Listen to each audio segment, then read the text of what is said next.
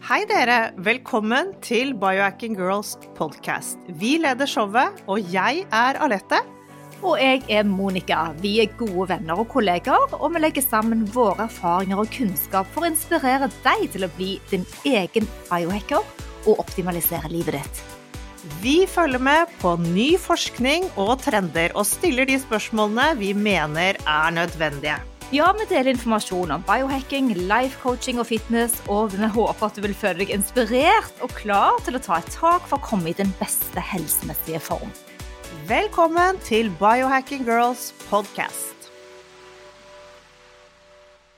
I dag har vi med oss dr. Steven Hussey fra USA. Steven er kiropraktor og praktiserende funksjonell medisiner. Da han var to år gammel ble han diagnostisert med astma, og legen ga han inhalator og forstøver, men tilstanden hans ble stadig verre, og han utviklet etter hvert både IBS og allergier, og ni år gammel ble han diagnostisert med autoimmun type 1-diabetes. Og på denne tiden var den eneste fornuftige veien vestlig medisin, så han fikk enda mer medisiner, allergipiller, steroider, prednison, og sirkelen var i gang. Hans egen sykdomshistorie motiverte han til å studere medisin, han ønsket ikke å utvikle hjerte hjerteproblemer, nyreproblemer, øyeproblemer osv.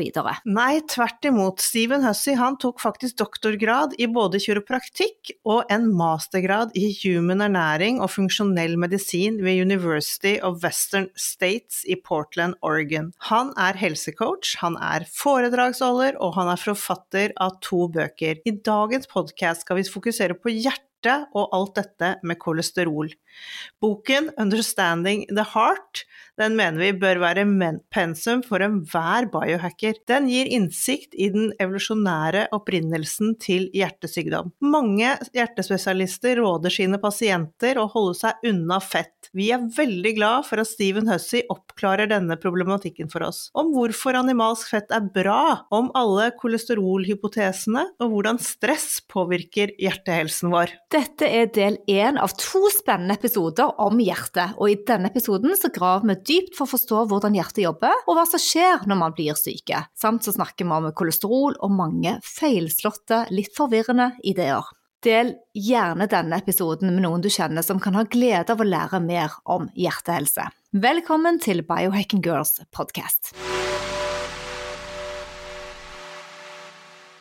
Thanks for joining our podcast, Dr. Stephen Hussey. How has your morning been? Uh, it's been great. Um, just woke up and you know, did my usual health routine and then saw patients this morning, and now I get to talk to you guys. But what's your usual health routine in the morning? Um, I usually get up and uh, do like like 15, 20 minutes of like this kind of yoga stretching routine that I do. And then I will sit in the infrared sauna and get a good sweat. And then I'll, I'll usually meditate while I'm in the sauna. And then I get out of the sauna and do a cold shower. And then I just get ready to go to work and I head to the office and see patients until about mid morning. Sounds like a great morning. And we, uh, love the book. we have been reading it and we re really want to recommend it to everyone. And your health journey inspired you to do this book. Can you just, what happened? Yeah. So I mean, from a very young age, I had a lot of inflammatory conditions. Uh, when I was a kid, um, I had irritable bowel syndrome. I had uh, terrible allergies and asthma. I used to break out in inflamed hives all over my body. Um, my skin was just turned blotchy and red. And the doctors never really told me why or couldn't tell me why. My parents were just kind of relying on, you know, the doctors to help us manage these conditions. And ultimately, all that inflammation ended up with autoimmune type 1 diabetes, where my body, uh, I mean, the theory is that my body attacked itself and the cells that make insulin insulin no longer make insulin um, because they were attacked. Although I don't know that I necessarily subscribe to that theory. But yeah, and so that being type 1 diabetic, you know, as hard as I've worked on my health all the years, I've cured all those things that I had, except for the type 1 diabetes, was kind of collateral damage. Um, that was created uh, with all all that inflammation. So that heavily predisposes me to heart disease, and so I've spent a long time looking into heart disease, um, trying to figure out you know, what creates it. And, and I found a lot of things that aren't necessarily what I was told in my training in medical school and in my master's degree and everything. There's a lot of things that fly in the face of the conventional wisdom of what causes heart disease. So I've always been trying to prevent it and sometimes unsuccessfully because if people read my book, you, they will know that I did have a heart attack at the age of 34, which, you know, further pushed me into this realm of heart disease and trying to figure this thing out. And so all of what I found and all the misconceptions about heart disease that I found are, are in my book. And I started sharing that a while back and people seem to like it. And so here I am, you know, talking about this, trying to get to the bottom of it, trying to find the truth, you know. So we think everybody should read your book uh, because it gives us such a deep understanding of everything around the heart. But why don't you share more about your own heart attack when you were 34? That's very young. If you don't mind.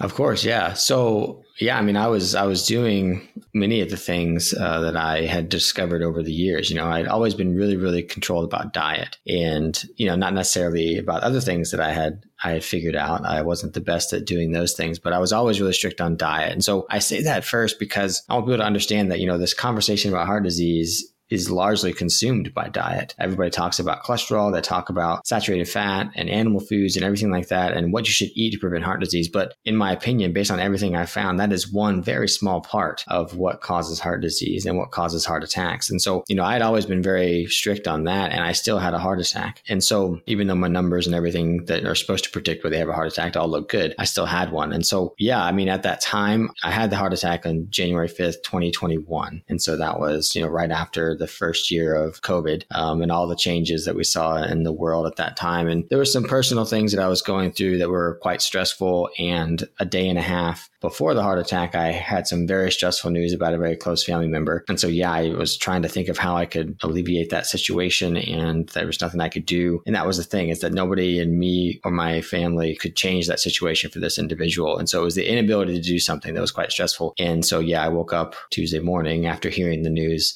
Sunday night and I did my usual, you know, workout and took a shower. And then I was standing there making lunch and I had a heart attack. And uh, it was a massive heart attack. It was 100% clot formed in the left anterior descending artery. And so there was no atherosclerosis anywhere in the coronary arteries, just a, a, giant clot formed in that artery. And there are reasons why I think that happened. And I go into more detail about those reasons in a talk that I gave at Roanoke College here locally. And I put that on my YouTube channel. If people want to go check that out, it's Resource Your Health. I go into more detail about exactly what I think happened to me um, in the heart attack. But long story short, I was laying there in the cardiac ICU thinking I'm a hypocrite. Like all these things I learned are, you know, I, I I'm not doing them, uh, or I was letting stress get to me, or all this stuff. And I had gotten away from meditating, and I'd gotten away from doing the sauna, and, and lots of different things. And so I was like, I can't release this book. There's no way. I mean, I can't. And then over the next three days, the experience I had in the hospital, you know, showed me that I really needed to release the book because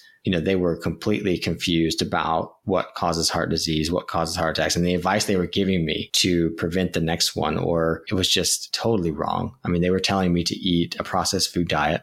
It's terrible. Like the diet they told me to eat was mainly processed foods, vegetable oils, processed grains, sugars, things like that. Just terrible foods. They were telling me to eat no salt to prevent heart failure and things like that. There was no talk of no talk of, you know, beneficial I guess, lifestyle practices outside of like diet and exercise. They almost scared me Uh, about exercise and they told me that I just, I could do cardiac rehab and that was pretty much it. And so, which is a very, very minimal light exercise, which for me, I mean, maybe for some people I understand, but for someone like me, it didn't make sense. But it was clear that it was just a very cookie cutter approach. They, they put me on, or they tried to put me on 11 different medications while I was in the hospital. And so I, I and when I disagreed with them, the, the worst part about the whole situation was that not that I disagreed, but when I tried to open up the conversation, and ask them why they wanted this or what about this information or this or that, they just shut down the conversation. Um, either they didn't know anything about it or didn't have time to talk about it or whatever it was. But it was just the conversation was shut down. And so, you know, the main reason I decided to still release my book is because you know, I'm not claiming in my book that everything I say is is true or that it's accurate, but we need to open up the conversation. We need to not have it be shut down in the face of questioning so that we can find the answer because clearly heart disease is the number one killer in the world and it continues to be and rates continue to go up. So we must not have it right. And so even if the ideas in my book are not completely accurate and they're just theories, but they're opening up the conversation so that we can find the answer. But so many medications. It was really interesting to read your story because you dig deeper into it. But you did take one or two medications during this time. And uh, I mean, you really need some force and belief in yourself to stand against all these advices you get from. Absolutely. It's so impressive that you, yeah, went your yeah, own and, you know, way. I, I I had just researched this whole book, you know, so I was pretty confident. You know, I could say things like, "I know there's no evidence behind that," or "There is evidence behind this," and I had that in my mind. Whereas most people, most people wouldn't know that. But you know, that that's what gave me that confidence, and I have you know medical training and and that kind of thing. But yeah, I did take one medication for a while. Um, that was the blood thinner um, because I had a stent in my body and I didn't know how my body was going to react to that foreign object. So I took that for about six months and I started taking one blood pressure medication and then talked to myself and uh,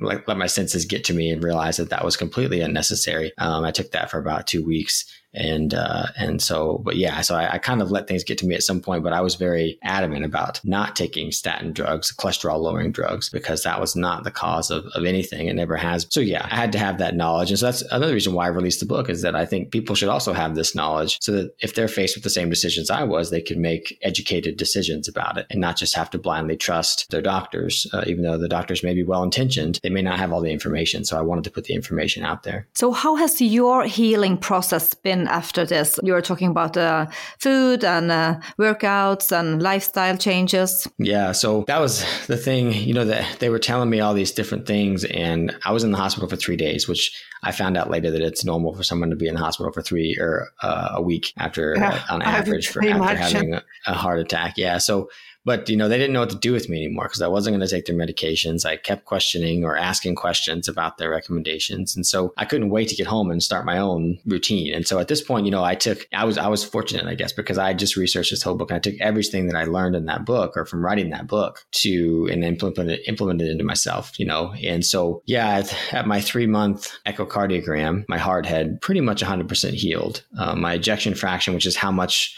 blood is ejected out of your heart. Every beat had decreased to below normal and it was at the it, was in the normal range at my three month echocardiogram um, and there was no evidence of heart failure the part of my heart muscle tissue that had been damaged was almost completely back to normal again. So it's been almost two years now. So i imagine that that's completely back to normal now because that was only at three months. And you know my cardiologist was kind of stunned. He was just like you didn't take any medications? And i was like no. Um, I, and i told him what i did. He didn't really seem interested. But I, you know, I stayed on the type of whole food diet that I'm usually on, which is high in animal products and, and very metabolically healthy, you know, decreased toxins. But I really got into, I use my sauna like every day, or at least, you know, five to six times a week during this time. And then I also uh, decreased toxins quite a bit, but also um, really got into like the mindfulness aspect of things, you know, the meditation and just uh, that aspect. Cause that was, I think, what drove my heart attack uh, is that improper stress response that I had. So yeah, I mean, I did that and, and I got great results. And I understand, you know, that I'm I was 34, 35 at that time, and so I'm younger, and I, I have taken care of myself prior to that. So my recovery was probably at better odds from the start. But you know, in doing those things and not following their recommendations, not eating the diet they recommended, not avoiding exercise, and doing my own thing, and I took certain supplements too that were helped with heart healing that weren't recommended to me, which the research is pretty robust about some of these nutrients. So I don't understand why it's not recommended. So so yeah, and my heart has done well. I'm a I'd say 100% recovered and and living my best life. So, but but are you like conscious or anxious about it? You know, I'd be lying if I said no. You know, once that happens, I mean, it's scary. I, you know, the, during the entire thing, I never felt like, oh, this is it. I'm gonna die. I was just like, I got to get to the hospital. They have to do a cath and I'll figure it out from there. It was never like, oh my gosh, I'm going to die, which I don't know why. I mean, I could have been very close to that. But yeah, there's always an aspect of fear of that happening again, you know, and I think there always will be, but it's become much less so over time as I do more and more things and get back to more and more normal of a life, which I have pretty much 100% now. And, you know, I think it was a wake up call for me. It was a wake up call in that, you know, stress, stress kills and how you let stress affect you kills. It does. And and I was very good at controlling diet and I had not paid attention to that. And so I feel like it's almost like a wake up call that reinforced a lot of what I said in my book and also gave me a little bit of a calling, like to identify this and to draw the attention away from cholesterol and saturated fat and diet, the diet aspect of heart disease and start drawing attention to the bigger aspects that maybe aren't as profitable for a pharmaceutical company to, to pay attention to, but very, very important and they need to be talked about. Yeah. But uh, let's go back a couple of years because through your extensive research, we want to know about the history of heart disease. What happened in the 50s with Ancel Keys and everything? Yeah. So, so how did we get to this? Yes. This time now where everybody thinks that cholesterol causes heart disease and exactly. that saturated fat and red meat are demonized. Like, how did we get there? Well, first of all, it's, it's, humans and pre-humans, uh, um, you know, the, the species that came before modern humans, uh, have been eating red meat and saturated fat as a large part of their diet for a very, very long time. And it's only, and, heart disease itself is a very modern disease. If we look at it in the epidemic that we have it today, yes, there's evidence that some civilizations had aspects of heart disease, uh, like the Egyptians and things like that. But as far as the epidemic that we know it and the number one cause of disease is a very new disease. So how could a, a food we've been eating forever be the cause of a modern disease, a disease that we're only seeing in modern times, at least in these levels. Doesn't make sense. So there's that. And then in the 1940s and 1950s, heart disease started to become more and more prevalent. Uh, it was the rates were rising, and President Eisenhower had a heart attack very famously while he was in the Oval Office uh, while he was in, or be the president, I mean. And so it was all over the news and it was this scary thing that was rising, uh, kind of like when people talked about COVID the last three years, it was this scary thing that was rising. And, you know, whatever you think about COVID, you know, like, that's what was happening. this fear was being created, you know, and, um, and so the same thing was happening with heart disease. And so people were looking for answers. And this one guy named Ancel Keys gave everybody an answer. Um, and he did some research that we call epidemiology, which is a type of research that can only show that two things are associated with each other, but it can't show that one's causing the other. It's the lowest form of research. And he did this form of research and he showed that in some countries, the more saturated fat and cholesterol they ate, the more heart disease they had. However, what you don't know, what you don't hear is that at the time there was data available on that type of data was available from 22 countries. And he picked the six countries. And then later he did another study where he picked seven countries that gave him that association, that gave him the right answer that he wanted. And he ignored the other countries' data. And so he kind of cherry picked the data. And so later, I think it was maybe five years later, two other scientists repeated that study and they'd used all the data that was available at the time and they found no correlation whatsoever. But by that time, by the time they had tested this theory that eating more saturated fat uh, and higher cholesterol levels would cause heart disease, the theory had already taken off. And there's a lot of money behind it from industries that would benefit from decreasing saturated fat uh, intake and increasing sugar and grain intake. So those industries, you know, kind of took that theory and ran with it. And so by the time the studies came out that showed that the more unsaturated fat you ate, the more heart disease you would get because there's lots of those studies that directly show that. Before those studies came out, the theory had taken off. And so that's why we are here today. Lots of money backing this idea for a very long time. And it's only recently that uh, lots of studies are starting to come out you know, people are actually actually eventually starting to do the studies. It's not like that all this time the studies weren't showing this, is that nobody was looking at them or they were ignoring the ones. And now there's big studies coming out of, you know, the American Journal of Cardiology saying that, oh, the information on saturated fat was probably pretty overblown. Um, and that that's not really the case. Uh, and so, so yeah, this idea that cholesterol and saturated fat cause heart disease is completely unfounded. Uh, there's no real evidence behind it. And there's actually evidence to the contrary. But it all makes sense too, because cholesterol is a vital molecule in the body and it's needed for lots of different things. And so it makes sense that we're coming back around to that. Yeah, this cholesterol scare is, has really wrecked us, I would say. but Stephen, what causes heart disease then? What have you found? Yeah, you know, a logical question. If it's not yeah. cholesterol and saturated fat, then what yeah. is it? Um, and so when you talk about what causes heart disease, there's, there's different types of heart disease, right? There's atherosclerosis, which is the hardening of the arteries or, or plaque buildup in the arteries. Uh, there's a heart attack um, or myocardial infarction, and then there's heart failure. Um, there could also be like different arrhythmias, uh, or there could be cardiac arrest, which is a bit different from myocardial infarction, uh, even though it's kind of this you know this situation that it you know really hurts the heart itself but when we're talking about saturated fat cholesterol the main idea is that saturated fat or cholesterol builds up in your bloodstream and then it clogs your arteries or it gets stuck on the side of the artery and clogs it uh, and that's not what happens so we have to ask ourselves why do we get atherosclerosis? Why do we get plaque buildup on the side of the arteries? And it's the same kind of thing. If we look at what an atherosclerosis is, if we like took some of it out of an artery and analyzed it, uh, like out of a cadaver, um, we'd see that the largest percentage of it, like 87 to 90% of it, is fibrous tissue, which means clotting tissue. Um, so clotting tissue is what happens like if you cut your cut your hand uh, and a scab forms on it to stop the bleeding. That's clotting. The body's clotting that so you don't keep bleeding because you don't want to lose all your blood.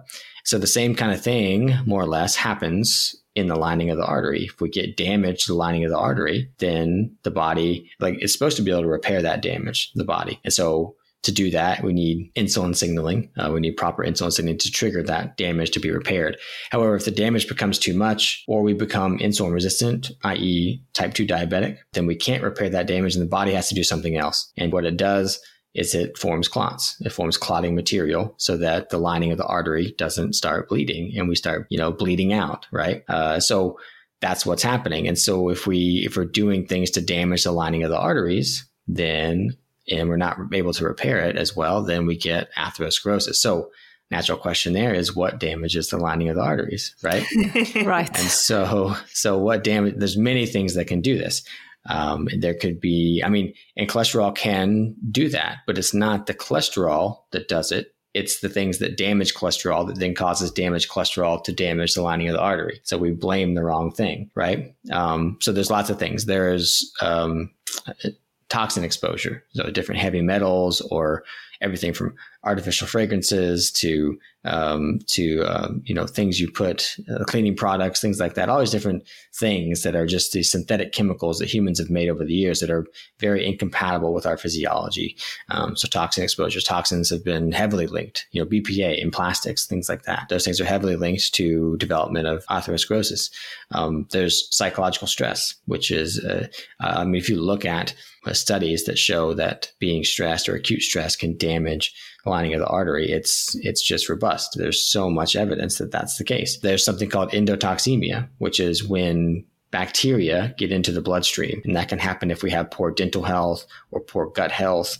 Um, that bacteria can get into the bloodstream, and when the body attacks that bacteria, it releases toxins that also cause atherosclerosis. Um, so it's it can be um, a poor diet, a diet that creates um, what I would call poor metabolic health, which means you're not metabolizing your food in a way that's healthy. And so that type of diet, which is full of vegetable oils and processed grains and processed sugars and things like that, can be very damaging to the lining of the artery and cause a lot of inflammation. And so all this stuff can kind of create this storm that damages the artery. And like I said, if we can't repair it because of various things, like if it's too much damage or if it's uh, we're we're not not responding to insulin well because we're in that type 2 diabetic state, then the body has to do something else, and that is form clots. And then clots can form on clots, on clots, on clots, and it builds up this atherosclerotic plaque in the arteries. Well, is there any times of the year or week that we suffer from, uh, more heart attacks than others? Definitely, yeah. And so a lot of this has to do uh, with like these these three imbalances that I talk about in the book, and I've, I've kind of alluded to two of them already, uh, which were you know good metabolic health, but also um, decreased toxin exposure. Uh, and so if uh, and then the third one is is imbalance in the autonomic nervous system, which is basically an improper stress response. Uh, we don't respond to stress well, which is what I had gotten kind of into. I got into this space where I was I'm not having a proper stress response. But what we see is that when it gets colder outside during the winter, we're not spending as much time outside. A lot of these imbalances are more pronounced, I'd say. So if we're already metabolically unhealthy, and then we go toward the holidays where people are eating, you know, more processed food and things like that, we're also not, we're not as I guess, willing to go out and get fresh food and things like that. We kind of stay in and we eat the maybe the processed food that that stays better. You know, that kind of thing happens toward the winter. We also spend less time outside, so you know uh, we're not in contact with the earth as much. We're not getting as much sunlight. Uh, those types of things, and those all can all mess with our stress response. That can cause inflammation. Um, we also spend spending more inside time inside also exposes us to more man-made toxins. Um, you know, the different, you know, because we're not out in the ventilated air as much, you know. And so even just, I mean, daylight savings time is, is another thing that, that really sets off our circadian rhythm, which is incredibly important to our stress response. And so all these things that happen seasonally, uh, specifically going in toward colder months, um, is why we see more heart attacks in in the colder months. Uh, in my opinion, and uh, but it's it's all because of we're driving these three imbalances uh, that happen. But there's there's evidence that heart attacks are more common on Mondays when people are going back to work and it's stressful. There's there's evidence that heart attacks are more common on days where there's big sporting events um, where people are betting on the events and they're very stressed about it, you know, or they're just really passionate about their team or something and it stresses them out. There's evidence that uh, heart attacks are more common around different holidays because holidays can be very stressful for people as far as money and you know pressure from family and these types of things and pressure from work to get things done. Like it's a stressful time unfortunately for lots of people. So there's a reason for that and it's because it drives these imbalances. Wow so, uh, could we talk a little bit about glucose and ketones, uh, how they play a role? Can you explain why the ketones is a better fuel source for the heart? Yeah, definitely. So, there's there's a lot of evidence that um, the heart prefers fatty acids and ketones as a fuel source, um, and most of the organs do, but the heart seems to have a special affinity for, like, even in the presence of glucose, the heart will choose to burn ketones. Um, so it's, I think, very important uh, to make sure that there's fatty acids and ketones around, you know, for the, the heart to be able to do that. And that's that comes down to eating a diet that creates metabolic health that you know encourages your body to make ketones at least on occasion, you know, at least once a day or something like that. And so if we think about fatty acids and ketones are just much cleaner fuel sources, meaning that when you burn them for fuel, you're making less uh, exhaust. I was uh, just kind of like in a car, you know, you, you, they burn a fuel and you make an exhaust. And, and so we kind of have an exhaust too, even though really none of those byproducts that we would consider exhaust are actually waste products. Uh, your body uses them for things. Um, but if we're talking about a clean fuel source, fatty acids and ketones are the cleanest. And so if we look at studies where muscle is burning glucose, it creates much more what we call oxidative stress, which is when we have an abundance of, say, exhaust, uh, we'll say, uh, and uh, and that causes damage to the body, right? And so we want to stay away from primarily burning glucose, uh, sugar. Uh, we want to primarily burn fatty acids and ketones. Uh, to prevent that, you know, that exhaust from forming too much, and um, and so in the heart, it's specifically uh, important because if our heart gets too used to burning glucose, or it's forced to burn more glucose than it wants to, that can actually predispose us to what I call metabolic heart attacks, which are heart attacks that happen when there's no blockage anywhere. Like there's no artery that's blocked and, or, or there's no artery that's fully blocked. So the idea is that heart attacks happen when uh, an artery is blocked and no blood can get to the tissue and that causes tissue death, which is what happened to me. So it does happen, but there are lots of heart attacks where that's not the case. And I think they're a result of poor metabolism of the heart combined with stress. And so if the heart's used to or being forced to burn more glucose than it would like to, and it comes to a stress response, without having those fatty acids and ketones around, it can create a very dangerous situation where we're, we're burning more glucose than the heart wants to. And that's kind of like when you go for a run and your muscle starts burning glucose and you start to feel muscle burn uh, in your leg. You can just stop running if that hurts too much, but your heart just can't stop contracting. So if that happens in the heart, uh, that can become a, a big issue and it can actually create a situation where blood is prevented from getting to the heart tissue, but in a different way than a blockage um, due to poor metabolism, and that can cause tissue death in the heart as well. And we see that over and over again. I've, I've had so many people come to me and say, "Yeah, I had a heart attack and there was no blockage," and that's usually what's happening is this poor metabolism. So fatty acids and ketones are always the better fuel source. Uh, so we want to eat in a way that ensures that our heart will always have access to those. And still, this was not a recommendation you got from you from the hospital when you were sick. Definitely not. They were telling me to eat a diet that creates poor metabolic health. Yeah, diet products. Sad. Yeah, carbs without. Yeah, but if uh, if anyone now they maybe they're worried about heart disease and uh, want to check if they are in risk, what's what's some of the best tests you can do uh, with your doctor? Because I mean the the ultrasound it won't then yeah maybe it's clear but you can still be at risk. What do you recommend? Yeah, so I like to start off this question with a more philosophical answer first, and then I'll give details about what you should test for or what you can test for.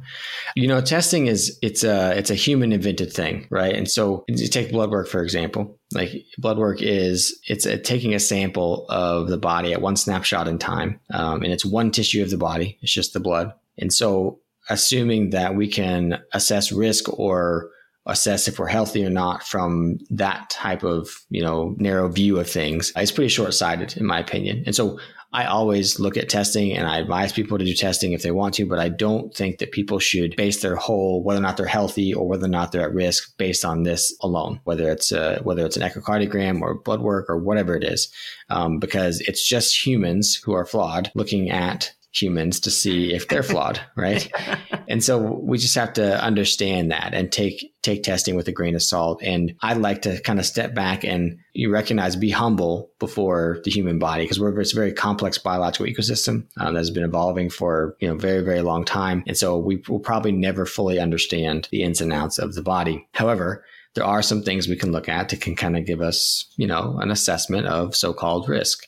Um, and so they, I, I, take it back to the three imbalances I talk about in my book for metabolic health, inflammation and oxidative stress, and imbalance in the autonomic nervous system stress response. Okay. So for metabolic health, the two best things you can look for uh, on blood work are the trig to HDL ratio, the triglyceride to HDL ratio, um, and you know, everybody's looking at cholesterol and total cholesterol and LDL on their lipid panel, but really they should be looking at the triglyceride to HDL ratio. Now, I don't know the numbers for Europe uh, as far as the conversion, but as as far as in the U.S., like um, you should be that that if you divide triglycerides by HDL, it should be a ratio of 1.5 or lower.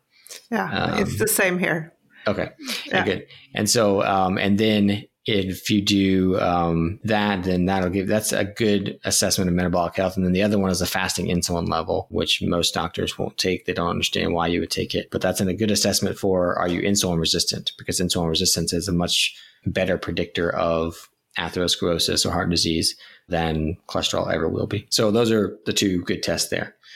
And then the second one is measuring inflammation and oxidative stress, which are they're different, but they're they're the kind of same thing because they cause the same issues in the body. Um, and a, a, one good marker for just general inflammation in the body is HSCRP, high sensitivity C-reactive protein. Um, that's just going to tell you if there's some inflammation. And you could you could test a lot of different things, like is there inflammation of the lining of the artery and all this kind of stuff. But it kind of gets into the weeds. Like it really gets too like technical. And you don't need all that because whether or not those numbers are elevated, the treatment for them are, is either going to be good for you and prevent it from being elevated, or it's going to fix them. You know, so it, it, doesn't really matter. Just do those things. You don't need to test for it and spend money if you don't have it. You know, and so then you could measure different DNA damage to things. You can measure damage to fatty acids, and this all give you an idea about oxidative stress. But I like just taking what's called a, a liver enzyme called GGT, that's a good marker of, of, is the liver dealing with more oxidative stress than than it should be, and that, that's probably good enough there. And then the last imbalance, uh, which is the imbalance in the stress response, uh, the best measure there is heart rate variability, and heart rate variability is basically it's measuring your ability to adapt to stress, um, and so it's it's kind of I, I always say that there's no mistake that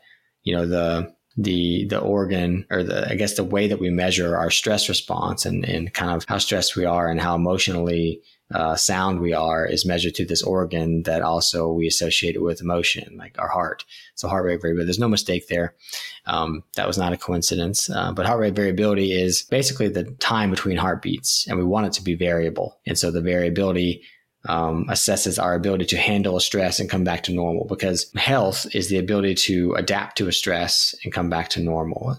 That's what homeostasis is. So if we have totally normal blood sugar control, we should be able to eat a high carbohydrate thing. The blood sugar would go up and then it would come right back down within two hours. That's normal.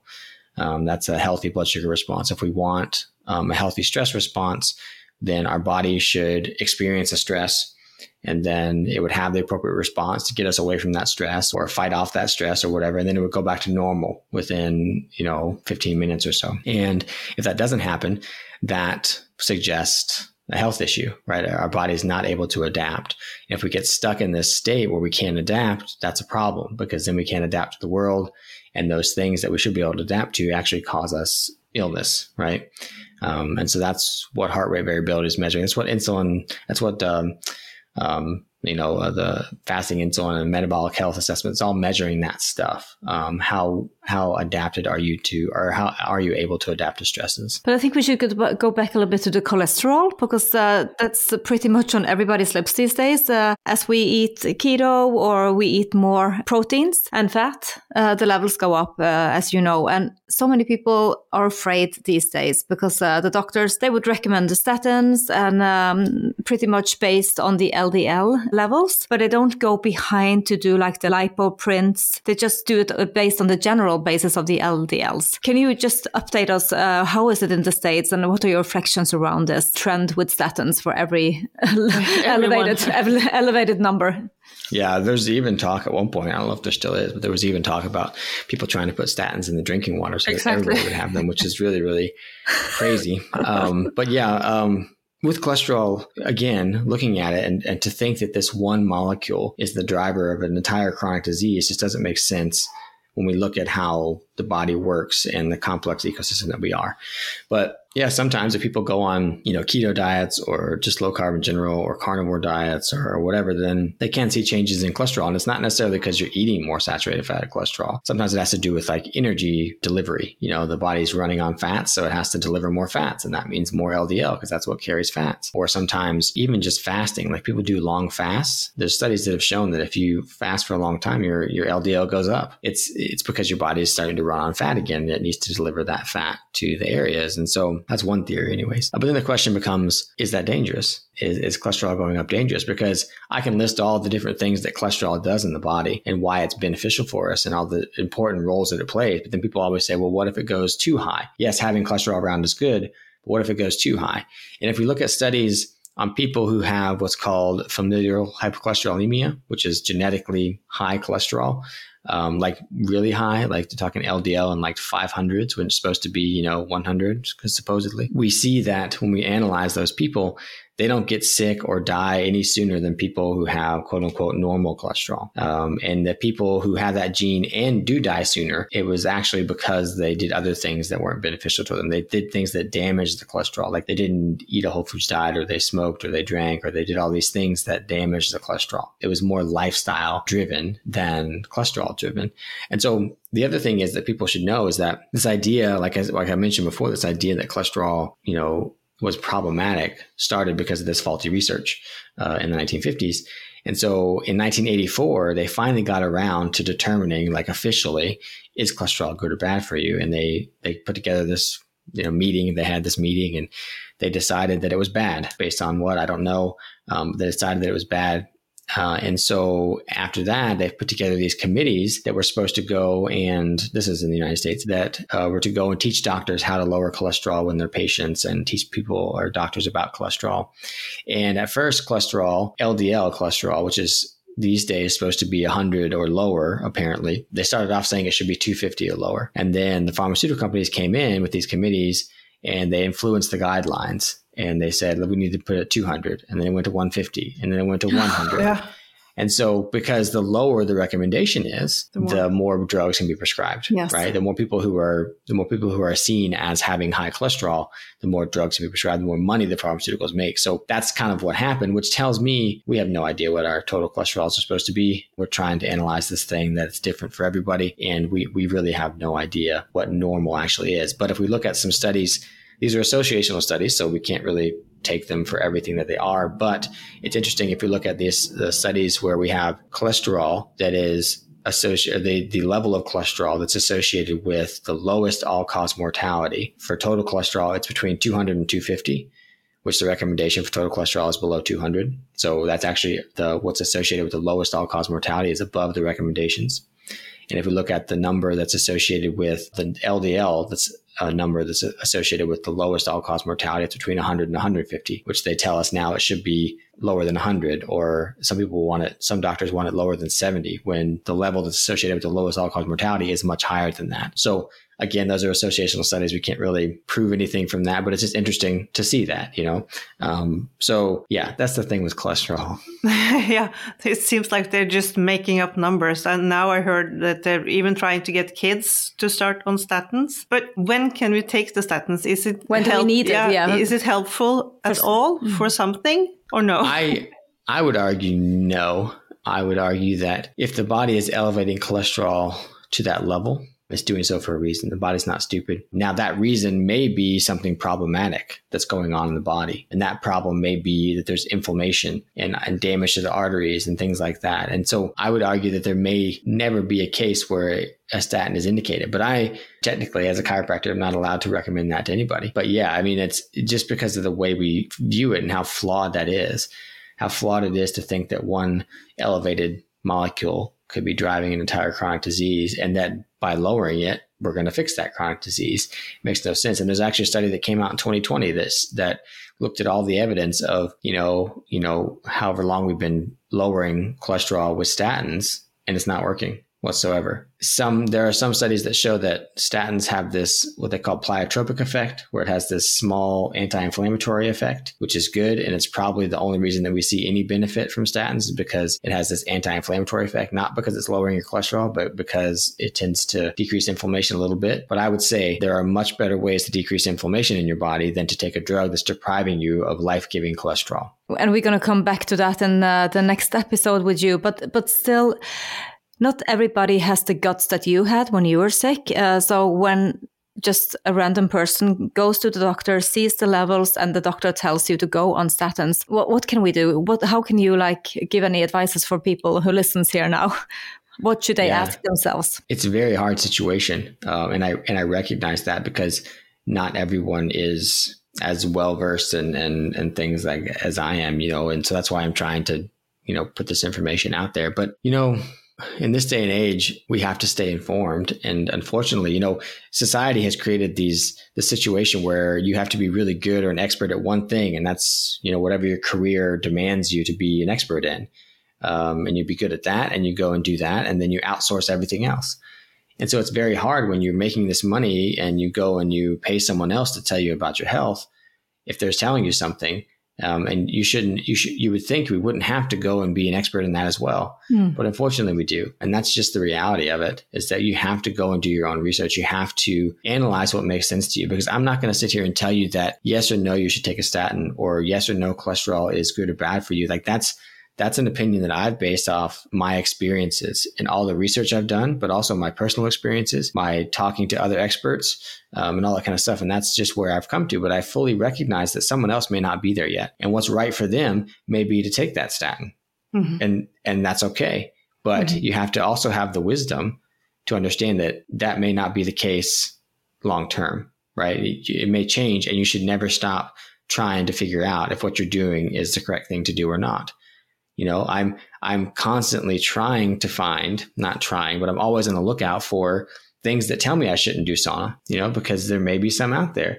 And if it's enough to convince me that I shouldn't do it, then I will I'll stop, you know, and that's just my own decision. And so that's just how it's got to be. You have to be your own health advocate and you have to keep looking. Even if you make a health decision and you decide to take that drug or not take that drug, should always be on the lookout for whether or not you should be, and if there's new information that comes up, um, and if you can't interpret that information because it's you're not well versed in that, find someone who can. Um, that's why I do health consulting, so I can help people kind of interpret that um, and and figure that out. You know, so right. so yeah, it's it's not it's probably not the black and white answer that people want. You know, they want concrete things to do, but it's just not a black and white situation. You've really got to if you just have this natural ad- adversity to to drugs, and you're just like, I don't know that that's going to correct the problem. Then your head's in the right state. You just have to go and find the information that would, would back that up, that. and then yeah. ask your yes. doctor about it. You know, yeah. like just you just gotta just keep always keep searching and never give up and be open minded and and and that kind of thing. Keep asking questions. Keep asking questions, that's for sure. And we want to ask you uh, as a last question in this part, uh, because you are really on top of your food choices as, as one of your levers to minimize heart risk. So, what does a day of eating look like for you? Proteins, fat? Are you keto? Yeah, I'm. I'm largely, I guess, what I would call keto. I just say very low carb. I mean, I think that diet is good for most people, but for me, particularly because I'm type one diabetic, it's very easy easy to control blood sugars when I do that type of diet. I don't think that everybody has to be super keto or very low carb, but if they do have carbs, it should be very whole food carbs and not be their entire diet. You know, so my diet is very centered around animal foods and animal fats. Um, I do some organ meats, uh, and then I, I do plants as well. Um, but I do very low carb plants, um, and I, I, kind of use them to create variety. But my my diet is my main nutrient. Um, I guess access is from animal foods. So whether it's uh, chicken, beef, pork, organs, eggs, dairy, those types of things, and then some plants to spice it up a little bit. Sounds amazing. Yeah. Okay. Thank you so much for this uh, conversation, and we can't wait to get back to you. Uh, with um, we're going to talk about uh, stress and supplements and our HRV. Yeah. yeah. Thank you very much, Stephen. Of course. Thanks for having me. Nå har vi mye å tenke på igjen av dette, men til dere der hjemme som syns dette var litt komplisert, så skal vi lage en liten oppsummering på norsk som kjøres på torsdag. Ja, det skal vi. Og følge på med del to, for den omhandler masse spennende info om HRV knyttet til hjertehelse, om stress og konkrete løsninger for å bevare hjertet vårt i sin beste form. Vi ønsker dere en fortsatt nydelig uke.